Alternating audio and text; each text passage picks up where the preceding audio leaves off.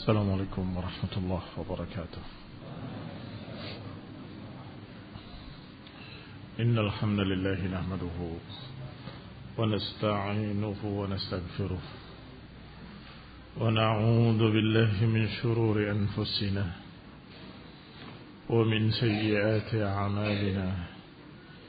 من يهده الله فلا مضل له ومن يضلل فلا هادي له وأشهد أن لا إله إلا الله وحده لا شريك له وأشهد أن محمدا عبده ورسوله صلى الله عليه وعلى آله وأصحابه والتابعين وتابع التابعين ومن تبعهم بإحسان إلى يوم الدين. يا أيها الذين آمنوا اتقوا الله حق تقاته ولا تموتن إلا وأنتم مسلمون. يا أيها الناس اتقوا ربكم الذي خلقكم من نفس واحدة وخلق منها زوجها وبث منهما رجالا كثيرا ونساء. واتقوا الله الذي تساءلون به والأرحام. إن الله كان عليكم رقيبا. يا أيها الذين آمنوا اتقوا الله وقولوا قولا سديدا يصلح لكم أعمالكم ويغفر لكم ذنوبكم ومن يطع الله ورسوله فقد فاز فوزا عظيما. أما بعد فإن خير الحديث كتاب الله وخير الهدي هدي محمد صلى الله عليه وعلى آله وسلم وشر الأمور محدثاتها فإن كل محدثة بدعة وكل بدعة ضلالة وكل ضلالة في النار إخواني في الدين أعزكم الله kaum muslimin rahimani wa rahimakumullah. Alhamdulillah. Kita bersyukur pada Allah Subhanahu wa taala. Karena kita diberi oleh Allah Subhanahu wa taala bimbingan ilmu agama yang mengenalkan penciptanya yang berhak untuk diibadahi yang sangat pantas dan layak untuk diibadahi. Maka kita bersyukur kepada Allah Subhanahu wa taala yang mengangkat derajat manusia ini menjadi makhluk yang mulia dengan ilmu agama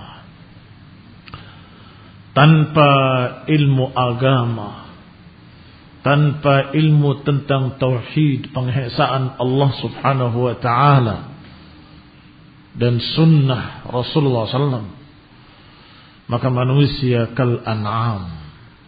Manusia seperti binatang ternak. Sebagaimana dikasahkan oleh Al Hasan Al Basri rahimahullah, laulal ulama lakana nasu kal bahaim. Kalau bukan karena para ulama yang menyampaikan ilmu, niscaya manusia seperti binatang ternak. Ikhwani fi din azakumullah. Maka manusia diciptakan fi ahsani taqwim. Ketika mereka meninggalkan agamanya, Ketika mereka tidak mengenali Rabbnya, tidak mengesahkan Tuhannya, Allah subhanahu wa ta'ala, maka mereka akan Allah rendahkan. Asfala safilin. Serendah-rendahnya.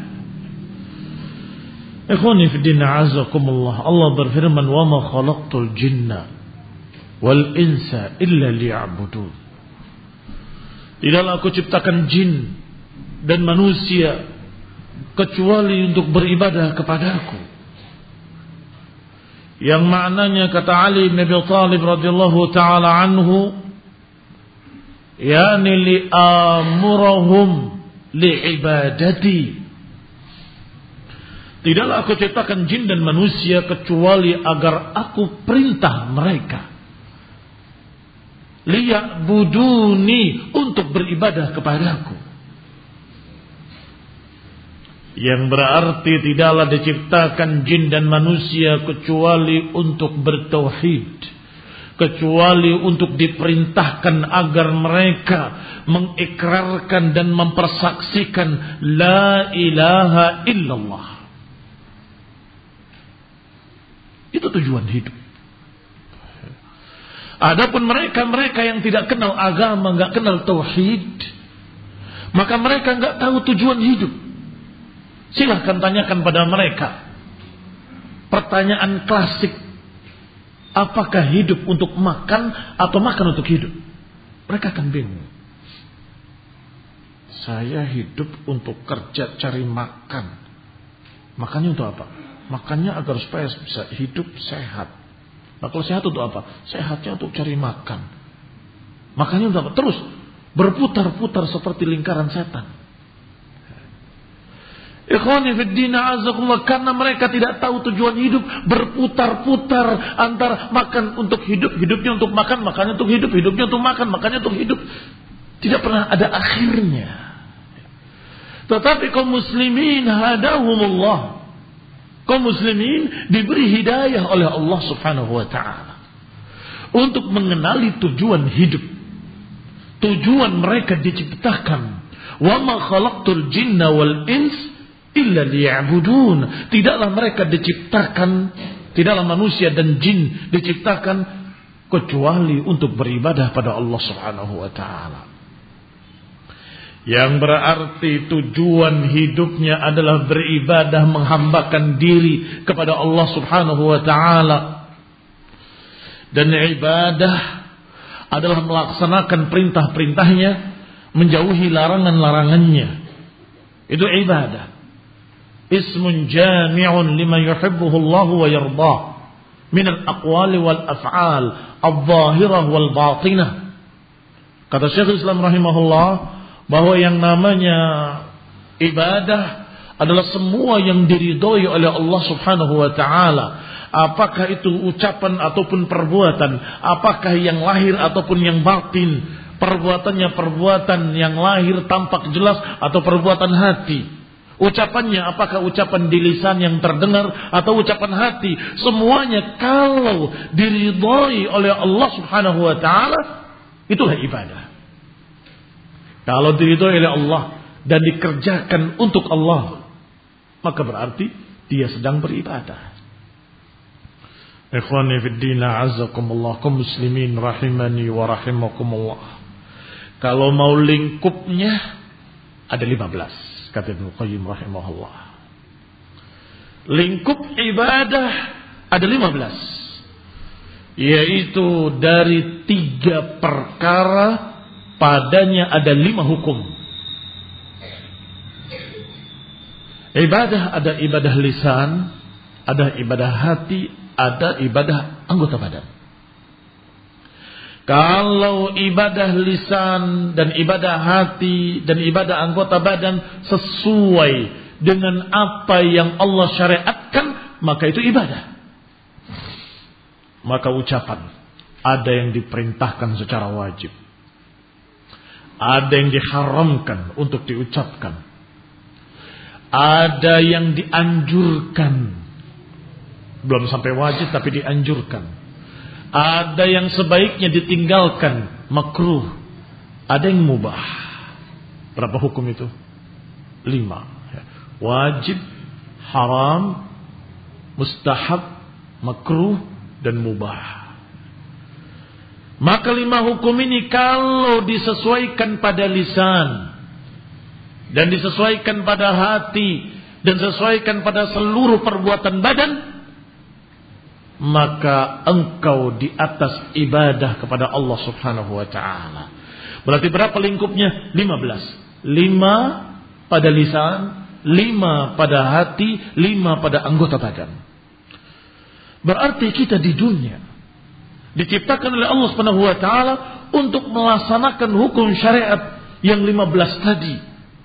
Berbicara wajib dengan ucapan-ucapan ikrar syahadat. Wajib membaca bacaan salat ketika salat. Wajib mengucapkan ucapan-ucapan yang wajib diucapkan dan tinggalkan semua ucapan-ucapan yang haram dan perbanyaklah ucapan-ucapan yang baik yang dianjurkan dan berupayalah untuk meninggalkan yang makruhat, ucapan-ucapan yang kurang baik yang sebaiknya ditinggalkan. Dan biarkanlah yang mubah sebagai mubah. Kalau lidahnya cocok dengan lima hukum. Kalau hatinya cocok dengan lima hukum. Anggota badannya cocok dengan lima hukum maka berarti dia di atas ibadah kepada Allah Subhanahu wa taala. Mengapa engkau mengerjakan ini? Karena Allah memerintahkan dengan wajib. Mengapa engkau mengucapkan hal tersebut? Karena Allah memerintahkannya. Kenapa engkau tidak mau berbicara? Karena dilarang oleh Allah dan Rasulnya. Masya Allah. Lidahnya terarah. Hatinya terarah. Anggota badannya terarah. Tidak liar. Sebaliknya sahibu hawa, mereka berbicara apa yang suka, mereka tinggalkan apa yang tidak suka. Mereka akan benci pada apa yang dibenci oleh hawa nafsunya dan dia akan suka dengan hatinya mencintai apa yang disukai oleh hawa nafsunya. Dia akan kerjakan apa yang dia mau, dia akan tinggalkan apa yang dia tidak mau. Maka ini bukan orang yang beribadah pada Allah tetapi sahibu hawa dan itu yang dikampanyekan oleh syaitan dan anak buah syaitan dan bala tentara syaitan dikampanyekan hal yang seperti ini. Yang penting puas. Pokoknya puas. Yang penting happy. Atau kalimat-kalimat yang semakna. Pokoknya aku mau ini. Ku tahu yang ku mau ini barakallahu fikum pendidikan. Pendidikan dari mereka syaitan untuk kalian jalani apa yang kau mau. Jangan peduli dengan orang lain. Jangan peduli dengan aturan hukum, dengan aturan agama, dengan aturan apa pun. Pokoknya kamu harus senang. Ini sahibu hawa. Bertentangan 180 derajat dengan agama. Justru agama mengajarkan agar manusia itu menjadi mulia. Semuanya ada aturan yang memuliakan mereka para hamba-hamba Allah. Memuliakannya di dunia dan memuliakannya di akhirat. Apa itu yang dikatakan dengan tauhid? Tauhid adalah mengesahkan Allah dalam ibadah. Artinya seseorang menghambakan dirinya hanya untuk Allah. Tidak mau diperbudak oleh makhluk. Tidak mau diperbudak oleh hawa nafsunya sendiri. Tidak mau diperbudak oleh apa pun. Kecuali oleh Allah subhanahu wa ta'ala. Maka kalimat ashadu An la ilaha illallah. Kalimat aku bersaksi bahwa tidak ada yang berhak diibadahi kecuali Allah. Maknanya ikrar bahwa aku tidak akan tunduk menjadi hamba, menjadi budak kecuali kepada Allah Subhanahu wa taala. Maka ini orang merdeka yang sebenar-benarnya merdeka. Orang yang merdeka bima'dal kalimah karena tidak diperbudak oleh siapa pun, tidak diperbudak oleh penjajah, tidak diperbudak oleh orang kafir, tidak diperbudak oleh makhluk, tidak diperbudak oleh hawa nafsunya sekalipun. Kasihan. Mereka yang menamakan dirinya orang-orang bebas, ternyata mereka budak-budak hawa.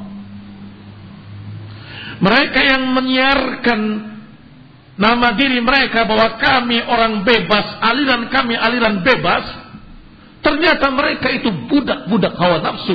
Justru budak yang paling rendah adalah budaknya hawa nafsu. Yang paling rendah. Kalau budaknya manusia masih diperintah oleh manusia dengan perintah-perintah manusiawi. Tetapi kalau hawa sungguh persis seperti binatang ternak. Afara'aita man ittakhadha ilahahu hawahu Apakah kau pernah lihat bagaimana manusia yang diperbudak oleh hawa nafsunya atau yang mempertuhankan hawa nafsunya? Orang-orang seperti itu ala ilmin. Allah sesatkan mereka walaupun di atas ilmu. Sampai Allah katakan mereka kal an'ami balhum adal. Mereka seperti binatang ternak bahkan lebih rendah lagi. Binatang ternak tidak berpikir kecuali kebutuhan dirinya secara hawa nafsu. Ada makanan dimakan, ada lawan jenisnya dikawini, tidak pernah bertanya makanan ini milik siapa, halal atau haram.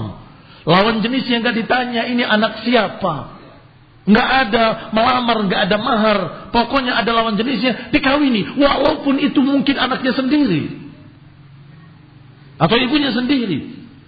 Ini binatang. Apakah manusia yang mulia akan menjadi binatang ternak yang hina? Hanya karena alasan saya ingin bebas.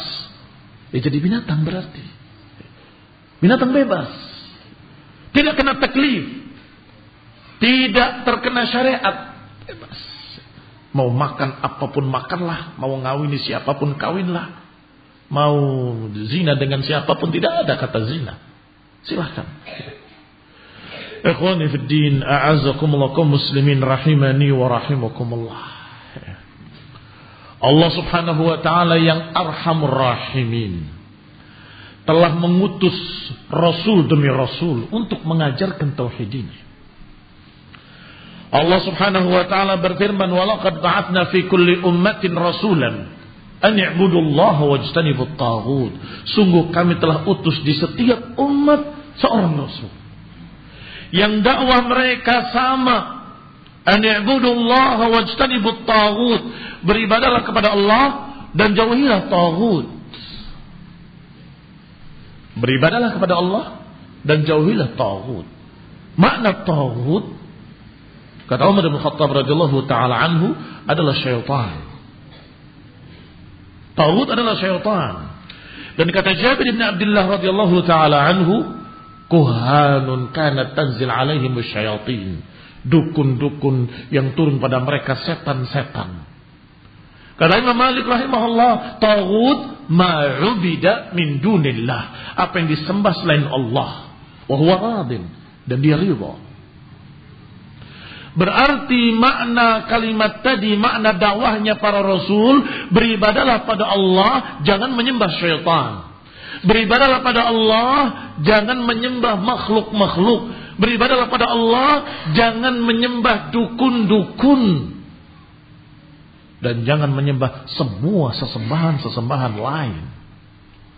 Maka Ibnu Qayyim rahimahullah menyebutkan definisinya. Karena tadi itu contoh-contohnya. Syaitan, tawud, dukun-dukun, tawud yang disembah selain Allah dalam keadaan dia ridho juga tawud. Itu contoh-contohnya. Ru'us tokoh-tokohnya tauhid. Tetapi definisinya kata Ibnu Qayyim rahimahullah, ma tajawaza bihi al-'abdu haddahu min matbu'in aw ma'budin aw muta'. Definisinya Ma tajawaza bihi al-'abdu haddahu. Apa yang seorang hamba melampaui batas kehambaannya yang melampaui batasnya karena sesuatu tersebut maka sesuatu itu adalah tauhid. Dari tauhid adalah yang menyebabkan para hamba jadi kufur, jadi syirik. Itu tauhid. Ada tiga jenis matbu', ma'bud, muta'. Jenis pertama yang matbu' yang diikuti. Semua yang diikuti dalam kekafiran maka dia tauhid menyeret pengikut-pengikutnya ke dalam kekafiran. Taut. Yang kedua, ma'bud, semua yang disembah selain Allah. Sembahlah aku, sembahlah aku. Atau berkata, Ana rabbukumul a'la. Seperti Fir'aun. Seperti Namrud. Seperti tokoh-tokoh tersebut yang memaksa mereka menyatakan aku adalah Tuhan memaksa mereka untuk menyembah dirinya maka itu tauhid yang ketiga muta' yang ditaati dalam kekafiran. Yaitu orang-orang yang memaksa rakyatnya untuk kafir yang memaksa rakyatnya untuk menentang Tuhan yang memaksa rakyatnya untuk menjadi ateis. Yang memaksa rakyatnya untuk menjadi musyrik kafir. Maka penguasa tersebut tagut. Ikhwani fillah muslimin rahimani wa rahimakumullah. Penguasa-penguasa komunis yang memaksa rakyatnya harus menjadi komunis.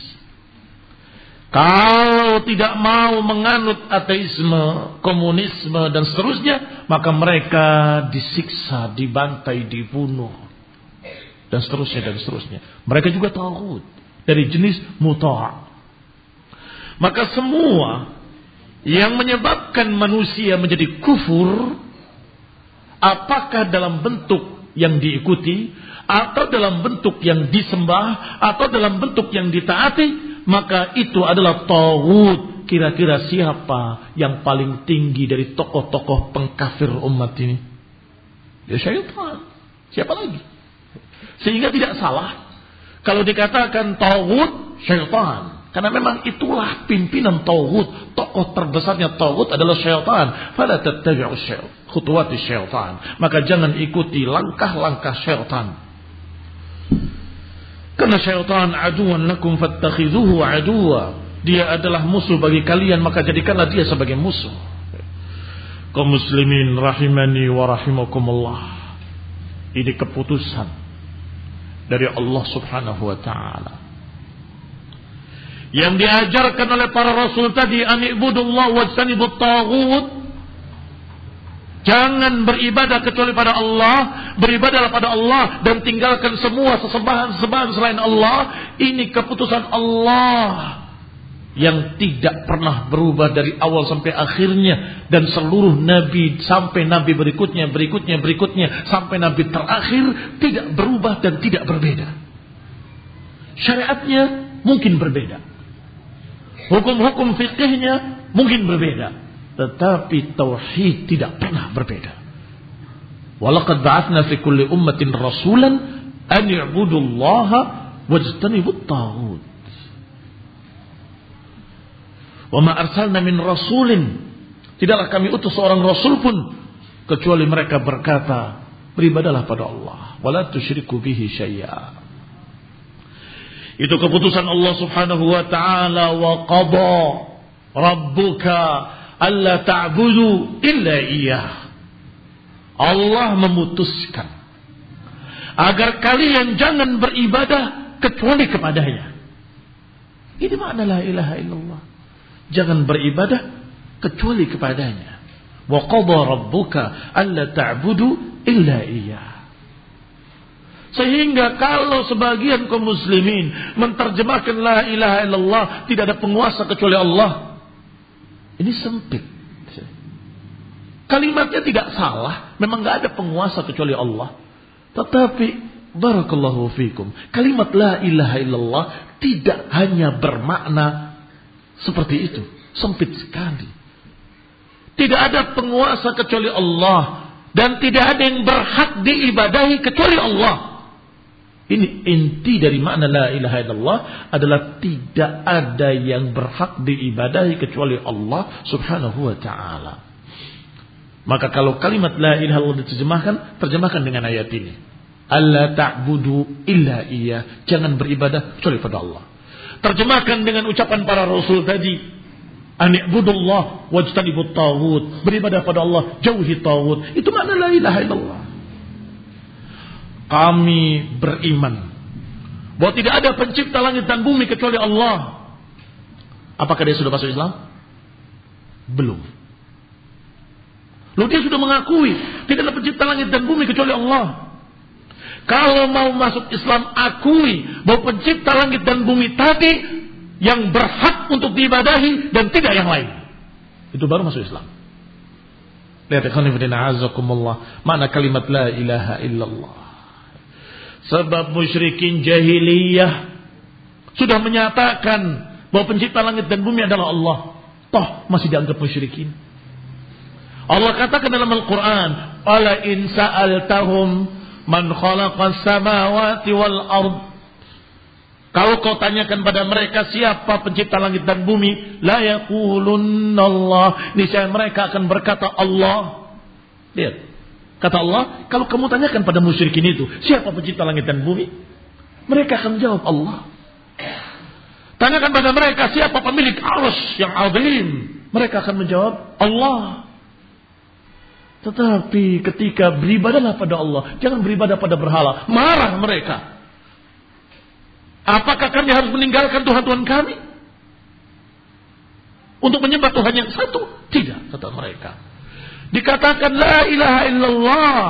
Tidak ada berhak diibadahi kecuali Allah. Lalu mereka berkata, Aja'alal alihata ilahan wahida. Inna hadha la syai'un ujab. Apakah Orang ini akan menjadikan Tuhan-Tuhan yang banyak ini jadi satu Tuhan. Inna adalah syai'un ujab. Ini perkara yang aneh.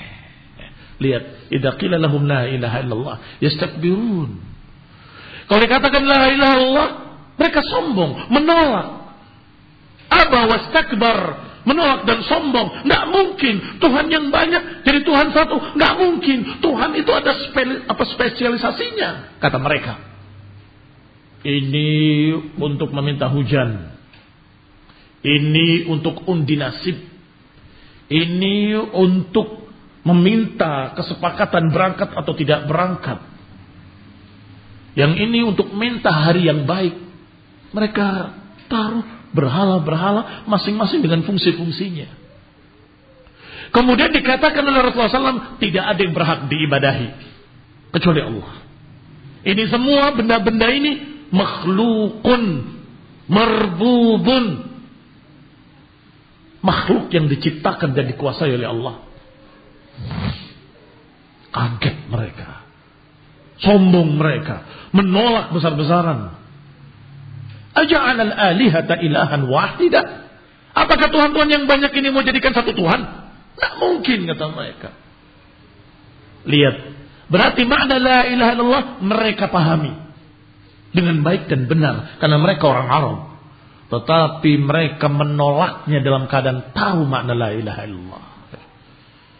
Sebaliknya beberapa kaum menerima kalimat la ilaha illallah, kami terima la ilaha illallah dalam keadaan tidak memahami maknanya, tetap mempercayai adanya dewa dan dewi. La ilaha illallah, katakan la ilaha illallah, la ilaha illallah. Dikumpulkan manusia dengan gongnya. Kumpul semua, tung tung tung tung, kumpul semua. Kalian apa kamu berikrar la ilallah? La ilaha illallah masuk Islam semua. Gongnya dikeramatkan menjadi gong sekaten. Gong syahadaten. Ternyata masih meyakini adanya Dewi Sri penjaga padi. Masih mempercayai Nyiloro Kidul penguasa lautan masih mempercayai ini dan itu segala macam yang mereka anggap sebagai Tuhan-Tuhan selain Allah. Ikhwani fi din azakumullah kaum muslimin rahimani wa rahimakumullah berarti mereka mengucapkan la ilaha dalam keadaan tidak memahami maknanya dengan benar. Mereka hanya memahami bahwa la ilaha illallah adalah tidak ada yang menciptakan langit dan bumi kecuali Allah tidak ada pemilik alam semesta kecuali Allah. Kalau itu makna la ilaha illallah, berarti Yahudi dan Nasrani juga sudah muslim. Sudah bersyahadat la ilaha illallah. Karena mereka berkata, kalau kamu tanya siapa pemilik langit dan bumi, pencipta langit dan bumi, mereka akan berkata Tuhan Bapa, Tuhan Allah. Kalau kamu tanyakan Yahudi juga akan menjawab Tuhan Allah. Tapi tidak berhenti sampai di situ. Lanjutkan. Kalau begitu, kalau kamu sudah akui Allah pencipta langit dan bumi, maka beribadahlah pada Allah. Jangan beribadah pada yang lain. Pertuhankanlah Allah, jangan mempertuhankan Maryam, jangan pula Isa. Di situ mereka menolak. Mereka marah, tidak bisa. Ada Tuhan Bapak, ada Tuhan Anak, ada Tuhan Ibu. Yahudi menyatakan ada anak Tuhan bernama Uzair. Ila akhiri kalamihimul kuf. Dan lain-lainnya dari ucapan-ucapan kufur mereka. Ikhwani fi din a'azakumullah kaum muslimin rahimani wa rahimakumullah. Maka Rasulullah sallallahu alaihi wa ala alihi wasallam dalam dakwahnya juga sama. Dakwah tauhid. Ditanyakan kepada Abu Sufyan, padahal waktu itu masih kafir, masih musyrik, belum masuk Islam. Ditanya oleh Raja Heraklius, apakah engkau atau apakah kalian adalah orang-orang Arab dari Mekah? Iya, kami adalah orang Quraisy dari Mekah. Apakah betul ada seseorang yang mengaku Nabi di sana? Iya. Namanya Muhammad ila akhir. Apa dakwahnya? Dia mengajak kepada apa? Dijawab, dia hanya berkata, Qulu la ilaha illallah. Tuslihu. Tuflihu. Ucapkan la ilaha illallah, kalian selamat. Ucapkan tidak ada yang berhak diibadahi kecuali Allah, kalian selamat. Apakah kalian pernah menuduhnya berdosa sebelum ini? Tidak. Kami tidak pernah menuduh dia berdosa sejak kecilnya kecuali sekarang ini. Apakah ada bapak-bapaknya atau nenek moyangnya yang menjadi penguasa atau raja? Tidak. Dia bukan turunan raja. Apakah dengan pertanyaan-pertanyaan sampai pada akhirnya Raja Heraklius berkata, Tidaklah seorang nabi kecuali mengajak pada apa yang dia ajak. Beribadahlah pada Allah, jangan beribadah pada yang lain. Dan aku bertanya pada kalian, apakah dia pernah berdusta? Kalau mengatakan tidak pernah. Kecuali sekarang. Maka saya katakan. Kalau dia tidak pernah berdusta atas nama manusia. Seumur hidupnya sampai dewasa. Apakah tiba-tiba dia berdusta atas nama Allah? Berdusta atas nama manusia saja. Tidak pernah dia berdusta selama ini. Sampai 40 tahun. Apakah selama 40 tahun tiba-tiba dia berani berdusta atas nama Allah? Tidak mungkin. Yang ketiga, kalau dia turunan raja, saya akan berkata paling-paling dia akan menarik kembali dan merebut kembali kedudukan bapaknya sebagai raja. Tapi ternyata tidak. Makanya bukti kalau dia benar-benar rasul. Bukan mencari kerajaannya yang hilang. Bukan karena berdusta karena tidak mungkin dia berdusta dalam keadaan jujur 40 tahun. Tiba-tiba berdusta sama Allah tidak mungkin. Ila akhirnya. Asyahid musuh dan kawan atau kawan dan lawan kenal dakwah Rasulullah tauhid. Tanyakan pada kaum muslimin dakwah Rasulullah, qul la ilaha illallah tuflihu. Beribadahlah pada Allah dan jangan menyekutukan Allah dengan sesuatu apa pun. Tanyakan pada musuhnya, musyrikin, bagaimana dakwahnya Rasul yang di sana? Sama jawabannya. Dia hanya berkata, ucapan la ilaha illallah tuflihu. Katakanlah tidak ada yang berhak diibadahi kecuali Allah. Azakumullah dan Allah mengajarkan pada Rasulnya sallallahu alaihi wa ala alihi wasallam katakan pada musyrikin qul ta'alu atlu ma harrama rabbukum alaikum. Marilah kemari aku bacakan pada kalian apa yang diharamkan oleh Rabb kalian. Atas kalian. Alla tusyriku bihi syai'a وبالوالدين إحسانا قل تعالوا ta'alau ما حرم ربكم عليكم alaikum. Marilah kemari aku aku bacakan pada kalian apa yang diharamkan oleh Allah atas kalian. Keanehan musyrikin mereka melakukan kesyirikan-kesyirikan akbar. Tetapi kemudian mereka mengharamkan perkara-perkara yang tidak haram. Dengan alasan memuliakan Allah Subhanahu wa taala, mensucikan Allah Subhanahu wa taala. Allah melarangnya. Lihat ikhwan azakumullah. Unta yang sudah beranak sepuluh ekor dan mas sepuluh itu semuanya perempuan misalnya. Dikatakan unta ini unta Allah. Tidak boleh diganggu, nggak boleh dibunuh, nggak boleh sembelih, tidak akhirnya. Diharamkan. Maka Nabi menyatakan pada mereka, Ta'alau atlu ma harrama rabbukum alaikum. Marilah kemari, akan aku tunjukkan pada kalian apa yang diharamkan oleh Allah, Rabb kalian. Allah tusyriku, jangan syirik. Kamu mengharamkan sekian perkara padahal tidak haram. Sedangkan kesyirikan yang paling haram di antara semua yang haram yang paling haram adalah syirik. Sedangkan kalian kerjakan.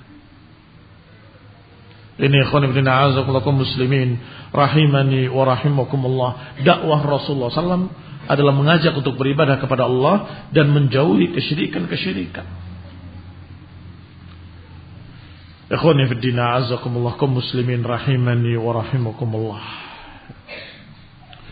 Disebutkan oleh Rasulullah SAW ketika beliau berdua dengan Mu'ad dalam satu kendaraan. Muad menceritakan radhiyallahu taala anhu kuntu radifan nabi. Kami waktu itu di belakang Nabi di atas seekor keledai. Kemudian Rasulullah SAW bersabda ya Muad atadri ma haqqullahi 'ala al-'ibad wa ma haqqul 'ibadi 'ala Allah. Wahai Muad, apakah kau tahu apa hak Allah atas hambanya dan apa hak hamba atas Allah Subhanahu wa taala? Qultu Allah wa Rasuluhu a'lam. Aku katakan kata Mu'ad, Allah dan Rasulnya lebih tahu. Maka Nabi menerangkan haqqullahi 'alal ibad an ya'buduhu wa la tusyriku bihi syai'a. Hak Allah atas hambanya arta adalah agar mereka tidak menyekutukan Allah Subhanahu wa taala dengan sesuatu apa pun. Beribadah kepadanya dan tidak menyekutukannya dengan sesuatu apa pun. Dan hak hamba yang pasti diberikan oleh Allah Allah yu'adzib man la yusyrik bihi syai'a. Allah tidak akan mengadab orang-orang yang tidak syirik. Lihat ikhwan ibn azabullah ini keutamaan dari keutamaan tauhid. Bahwasanya seorang yang tidak syirik yang hanya beribadahnya kepada Allah Subhanahu wa taala saja dijamin tidak akan diazab. Hak Allah adalah apa yang harus ditunaikan oleh para hamba untuk Allah Subhanahu wa taala. Yaitu beribadah kepadanya dan tidak menyekutukannya dengan sesuatu apa pun. Sedangkan hak hamba dari Allah yang pasti diberikan oleh Allah bahwa hamba tersebut tidak akan diazab selama dia tidak syirik. Ini kabar gembira. Maka Mu'ad pun berkata, Ya Rasulullah, afala ubashirun nas. Ya Rasulullah, tidakkah aku beritakan berita gembira ini pada manusia? Ini berita gembira. Asal tidak syirik, tidak akan diazab. Kata Nabi, Qala la La tubashirhum fayattakilu. Jangan beritakan pada mereka. Nanti mereka menggampangkan. Menyandarkan dengan berita ini. Kemudian mereka menggampangkan perbuatan-perbuatan dosa. Ikhwani fiddina azakumullah. Demikian. Akhrajahu. Dikeluarkan oleh Bukhari dan Muslim. Kau muslimin rahimani wa rahimakumullah. Dari hadis ini kita lihat bahwa hak Allah adalah untuk diibadahi satu-satunya. Dengan lima belas perkara tadi. Yang masing-masing lima hukum pada tiga perkara. Jangan menyekutukannya dengan sesuatu apa pun. Sedangkan janji Allah yang pasti ditepati. Orang yang tidak syirik nggak akan diadab. Allah akan ampuni dosa-dosanya. Allah akan maafkan dosa-dosanya. Orang berbuat dosa ada dua macam. Ada orang yang berbuat dosa, kemudian dia istihlal, menganggapnya tidak apa-apa halal. Walaupun Allah mengharamkan, saya bilang halal, mau apa? Ini sudah jatuh ke dalam kekufuran, kesyirikan. Dan itu bukan yang dimaksud. Tetapi kalau seorang yang mukmin beriman pada Allah bahwa Allah satu-satunya yang berhak diibadahi, kemudian tergelincir dalam dosa, orang itu pasti segera bertaubat pada Allah. Astagfirullah, saya berbuat dosa. Ya Allah maafkanlah aku. Ini orang yang seperti ini. Orang yang akan dimaklumi dosa-dosanya, dimaafkan dosa-dosanya. Ikhwani fi din, a'azzakumullah kaum muslimin rahimani wa rahimakumullah. Mu'adz bin Jabal adalah seorang sahabat yang mulia. Alim, ulamanya sahabat. Sehingga ketika diutus oleh Rasulullah SAW untuk membimbing orang-orang yang baru masuk Islam di Mekah, disuruhlah Mu'ad. Ketika diutus ke Yaman, diutus Mu'ad. Sehingga diriwayatkan bahwa Mu'ad yushar yawmal qiyamah. Amam al-ulama biratwah Mu'ad akan dibangkitkan yaumul qiyamah di depan para ulama satu ratwah. Satu ratwah itu satu lemparan panah. Atau dalam riwayat sejauh mata memandang. Di depan para ulama. Itu Mu'ad radhiyallahu taala anhu. Sehingga paham ucapan Rasulullah la tubashirhum fayattakilu. Jangan beritakan pada mereka, khawatir mereka ittikal, menyandarkan dengan berita ini kemudian menggampangkan dosa-dosa. Paham bahwa itu maknanya jangan disampaikan pada orang yang dikhawatirkan tetapi boleh disampaikan pada orang yang tidak dikhawatirkan. Oleh karena itu berita ini nyampe kepada kita. Ada pernah seorang santri bertanya dengan pertanyaan cerdas kalau memang tidak perlu diberitakan oleh Rasulullah SAW kok sampai pada kita Ustaz harusnya kan nggak nyampe berarti muat melanggar Nabi menyatakan jangan sampaikan, Muat menyampaikan. Iya. Muat memang menyampaikan di akhir hidupnya.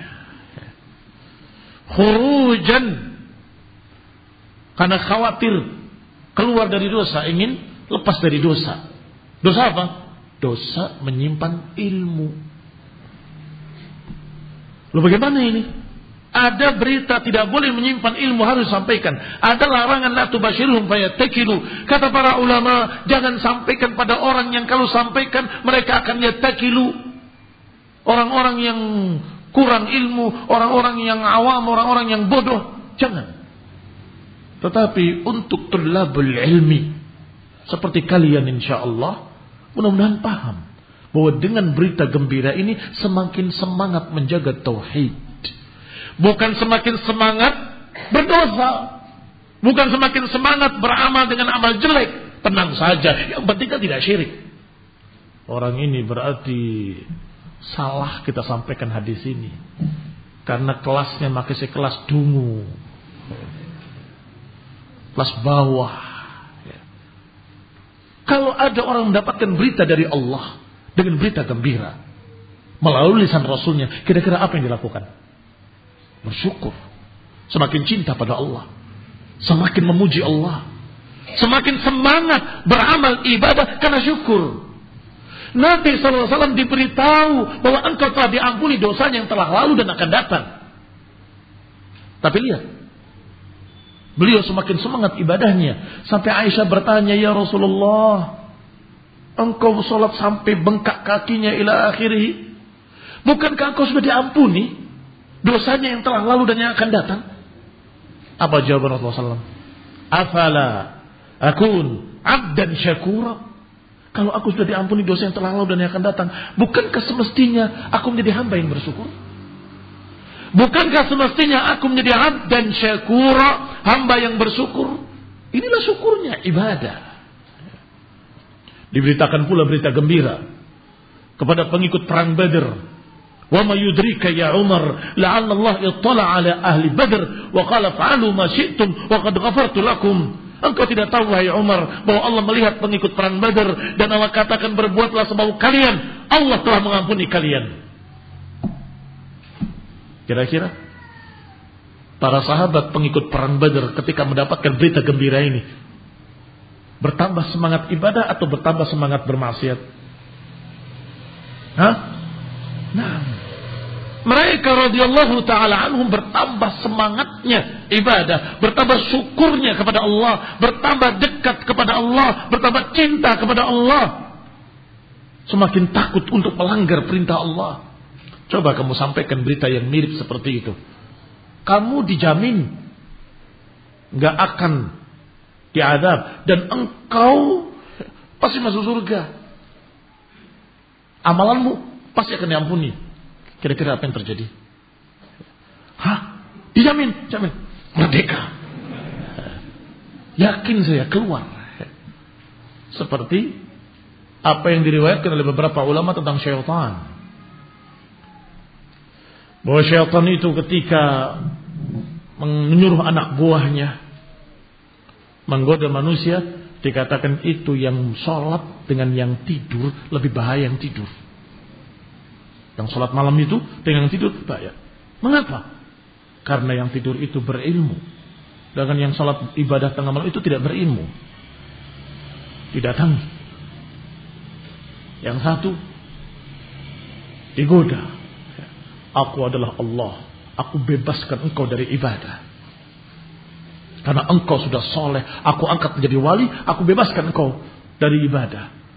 Orang ini selesai sudah ibadahnya. Besok sudah tidak lagi beribadah. Aku sudah dibebaskan oleh Allah SWT dengan gembira. Berbuat dosa, berbuat maksiat, tidak lagi beribadah. Yang ini. Tapi ini, begitu bangun, aku adalah Allah, dilempar dengan sendal. A'udzubillah minasyaitonir rajim. Karena dia tidak yakin dengan yakin bahwa tidak mungkin Allah menampakkan diri di dunia.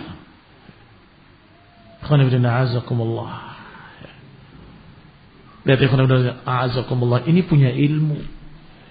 Sulit, susah untuk digoda, tapi ini itu mudah sekali. Maka mereka-mereka yang dangkal ilmunya sering kali terseret oleh subhat yang mirip seperti itu. Walaupun tidak sama tapi serupa dengan kisah-kisah ulama tadi. Yaitu kaum sufi yang dikatakan oleh suara gaib yang mereka sebut wisik, kadang mereka sebut dengan wangsit, Kadang mereka sebut dengan apa sajalah nama-namanya. Bahwa engkau sudah jadi wali. Engkau tidak lagi dibebani ibadah. Engkau sudah sampai tingkat hakikat. Jadi. Kamu lihat yang satu. Naudzubillah. Kayak orang gila. Oh itu wali. Bukan orang gila. Yang satu ahli maksiat di tempat-tempat maksiat. Dua-duanya dipanggil Gus. Dipanggil Kiai. Loh masa Kiai di tempat maksiat? Oh itu lain. Syariat beliau dengan syariat kita berbeda. Kita masih syariat, mereka sudah tingkat hakikat. Dia tahu apa yang kita tidak tahu. Ila akhiri kalamihim. Digoda oleh syaitan sedikit saja rusak mereka. Ikhwani fiddina azamullah kembali kepada pembahasan. Bahwa Mu'ad bin Jabal adalah alim ulamanya para sahabat. Maka beliau tahu bahwa ini harus disampaikan. Maka beliau pun menyampaikan di akhir hidupnya. Untuk menghindari ancaman-ancaman Rasulullah SAW yang menyatakan man katama ilman nafi'an alzamahu bilijamin min nar. Atau kama qala sallallahu alaihi wa ala alihi wasallam. Ikhwani fiddina azakumullah. Maka hendaklah kita bersyukur pada Allah Subhanahu wa taala yang arhamur rahimin. Kalau kita benar-benar bertauhid, menjauhi kesyirikan-kesyirikan yang besar maupun yang kecil, niscaya akan masuk ke dalam jannah bagaimanapun amalannya. Sebagaimana diriwayatkan oleh Rasulullah SAW atau dari Rasulullah SAW ketika menyatakan man syahida an la ilaha illallah wahdahu la syarika wa anna isa abdallahi wa rasuluh. Wa kalimatuhu alqaha ila maryam wa ruhun minh wal nar haqq. Adkhalahu Allahu al jannata ala ma kana min al amal. Ini juga hampir sama dengan yang tadi. Siapa yang mempersaksikan tidak ada yang berhak diibadahi kecuali Allah satu-satunya. Dan tidak menyekutukannya dengan suatu apa pun. Dan mempersaksikan bahwa Rasulullah benar-benar hamba Allah dan Rasulnya. Dan mempersaksikan bahwasanya Isa adalah hamba Allah dan Rasulnya. Dan mempersaksikan bahwasanya dia diciptakan dengan kalimat Allah kun yang bermakna jadilah, maka jadilah dia. Dan ruh milik Allah yang diciptakan oleh Allah yang ditiupkan kepada Maryam, maka jadilah Isa. Siapa yang mempersaksikan dengan empat ini dan mempersaksikan bahwa surga adalah hak, wan nar hak, adkhalahu Allahul jannata ala ma kana minal amal, maka dia akan masukkan dalam surga bagaimanapun amalannya. Ini juga berita gembira. Siapa yang bersyahadat dengan lima persaksian tadi? Siapa yang ikrar bahwa tidak ada yang berhak diibadahi kecuali Allah dan bahwasanya Nabi Muhammad adalah hamba Allah dan Rasulnya. Dan bahwasanya Isa adalah hamba Allah dan Rasulnya. Dan bahwasanya dia diciptakan dengan kalimat Allah jadilah maka jadilah dia. Kalimat Allah kun yang bermakna jadilah maka jadilah dia. Dan kemudian mempersaksikan bahwa surga dan neraka adalah hak maka dia akan dimasukkan dalam surga bagaimanapun amalannya. Ada dua tafsir memang. Tafsir pertama Bagaimanapun amalannya. Ini amalannya kayak apa pun akan masuk surga. Yang kedua, maknanya adalah dia akan masuk surga sesuai dengan amalannya. Karena amalan seseorang berbeda-beda dan surga juga berbeda-beda. Pasti akan masuk surga sesuai dengan amalannya. Mungkin di tingkat yang pertama, yang kedua, yang ketiga dan selanjutnya. Ikhwani fi din a'azakumullah muslimin rahimani wa rahimakumullah.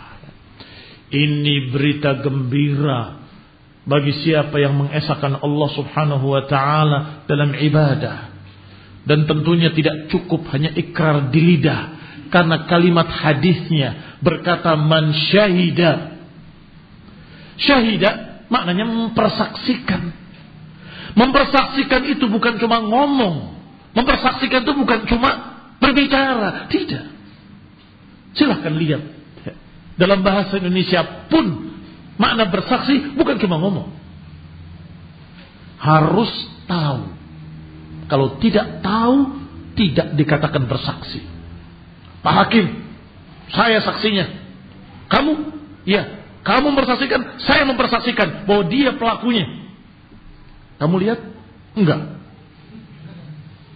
Kamu tahu? Enggak. Kamu kenal dia? Enggak. Apakah diterima persaksiannya? Tidak diterima. Maka yang namanya persaksian harus dengan ilmu. Sebagaimana dalam ayat Allah, illa man syahida bil haqqi wa hum ya'lamun. Kecuali mempersaksikan dengan kebenaran dan dia tahu. Dan dia tahu. Baik amal. Saya mempersaksikan bahwa orang itu orang yang pengkhianat, jelek, kadzab, pencuri, perampok ila akhirih. Di mana dia sekarang? Ada. Jaga gudang saya. Diterima persaksiannya? Oh aneh. Kamu mempersaksikan dia penjahat, perampok, tidak amanah. Kenapa kamu menjadikan penjaga hartamu? Ini aneh. Nggak diterima persaksiannya. Barakallahu fikum. Yang namanya syahida itu harus ada ilmin. Dan harus diiringi amal. Itu baru syahidah. Ikhwani fiddina azakumullah. Hanya saja kalau dia mengikrarkan dengan keyakinan dalam hatinya. Kemudian belum sempat beramal, kemudian wafat. Niscaya dia akan mendapatkan husnul khotimah walaupun belum beramal. Walaupun belum beramal. Karena bukan tidak mau beramal, dia akan beramal. Tetapi qadarullah, qadarullah wa masya'a fa'al diwafatkan sebelum bisa beramal apa pun. Seperti disebutkan ada yang selamatkan dari api neraka dimasukkan ke dalam jannah padahal lam ya'mal khairan qat. Hadis sahih. Dalam hadis yang panjang tentang syafaat diselamatkan orang yang lam ya'mal khairan qat mungkin terjadi. Ikhwan ibn termasuk syahida syaratnya adalah yakin. Kamu bersaksikan? Iya. Kamu tahu? Tahu. Kamu yakin? Enggak. Cara ragu-ragu, nggak diterima. Kamu yakin dia? Nggak juga. Nggak diterima persaksiannya. Karena tidak yakin. Maka ikhwan fillah azakumullah kaum muslimin rahimani wa rahimakumullah. Allah Subhanahu wa taala berfirman alladzina amanu wa lam yalbisu imanahum bidzulmin ulaika lahumul amn wa hum muhtadun. Kata Allah, orang yang beriman dan tidak mencampuri imannya dengan kezaliman, maka merekalah yang akan mendapatkan bimbingan petunjuk dan keamanan. Di dunia terbimbing dengan hidayah, di akhirat akan aman dari adab Allah Subhanahu wa taala. Syaratnya beriman dan jangan mencampuri imannya dengan kezaliman. Para sahabat merasa berat. Ya Rasulullah, siapa di antara kami yang tidak pernah berbuat zalim? Maksudnya dosa. Karena dosa itu kezaliman, imma kezaliman pada orang lain atau bisa jadi kezaliman pada dirinya sendiri. Ya Rasulullah, ayyuna lam yadlim nafsah. Siapa di antara kami yang tidak pernah mendolimi dirinya sendiri? Maka dijawab oleh Rasulullah SAW, Laisa kama taqulun. Tidak seperti yang kamu katakan. Alam tasma' ila qawli abdin salih. Tidakkah kau mendengar ucapan seorang hamba yang saleh? Luqman kepada anaknya. Ya bunayya la tushrik billah. Inna syirka la zulmun azim. Wahai anakku, jangan menyekutukan Allah, jangan berbuat syirik. Karena kesyirikan itu adalah kezaliman yang besar. Syirik adalah kezaliman. Kata Nabi, bukan seperti yang kalian pahami. Laisa kama taqulun, tidak seperti yang kalian katakan tadi bahwa kezaliman yang dimaksud adalah kesyirikan. Tidakkah kalian dengar ucapan Luqman pada anaknya? La tusyrik billah, inna syirka la dhulmun azim. Ini tafsir langsung dari Rasulullah SAW. Berarti apa mana ayatnya? Mana ayatnya siapa yang beriman dan tidak mencampuri imannya dengan kesyirikan? Bagi mereka keamanan dan hidayah. Lahumul amnu wa hum muhtadun. Mereka mendapatkan keamanan dan mereka mendapatkan bimbingan hidayah, bimbingan petunjuk. Ikhwani fidina azakumullah muslimin rahimani wa rahimakumullah. Hanya saja sebagai catatan sebelum kami tutup bahwa kesyirikan itu ada kesyirikan besar, ada kesyirikan kecil. Dan kesyirikan kecil itu ada kesyirikan yang disebut dengan syirkul khafi, syirik yang samar. Seperti semut hitam di atas batu hitam di malam yang kelam. Sehingga jangan meremehkan. La yattakilu. Oh tenang saja. Yang penting gak syirik. Benar kamu gak syirik. Saya gak pernah mau syirik. Benar. Kamu riak ingin dipuji orang. Itu sudah syirik. Iya ya. Wah kalau itu sering. Baik. Berarti sulit. Barakallahu fikum. Jangan anggap enteng.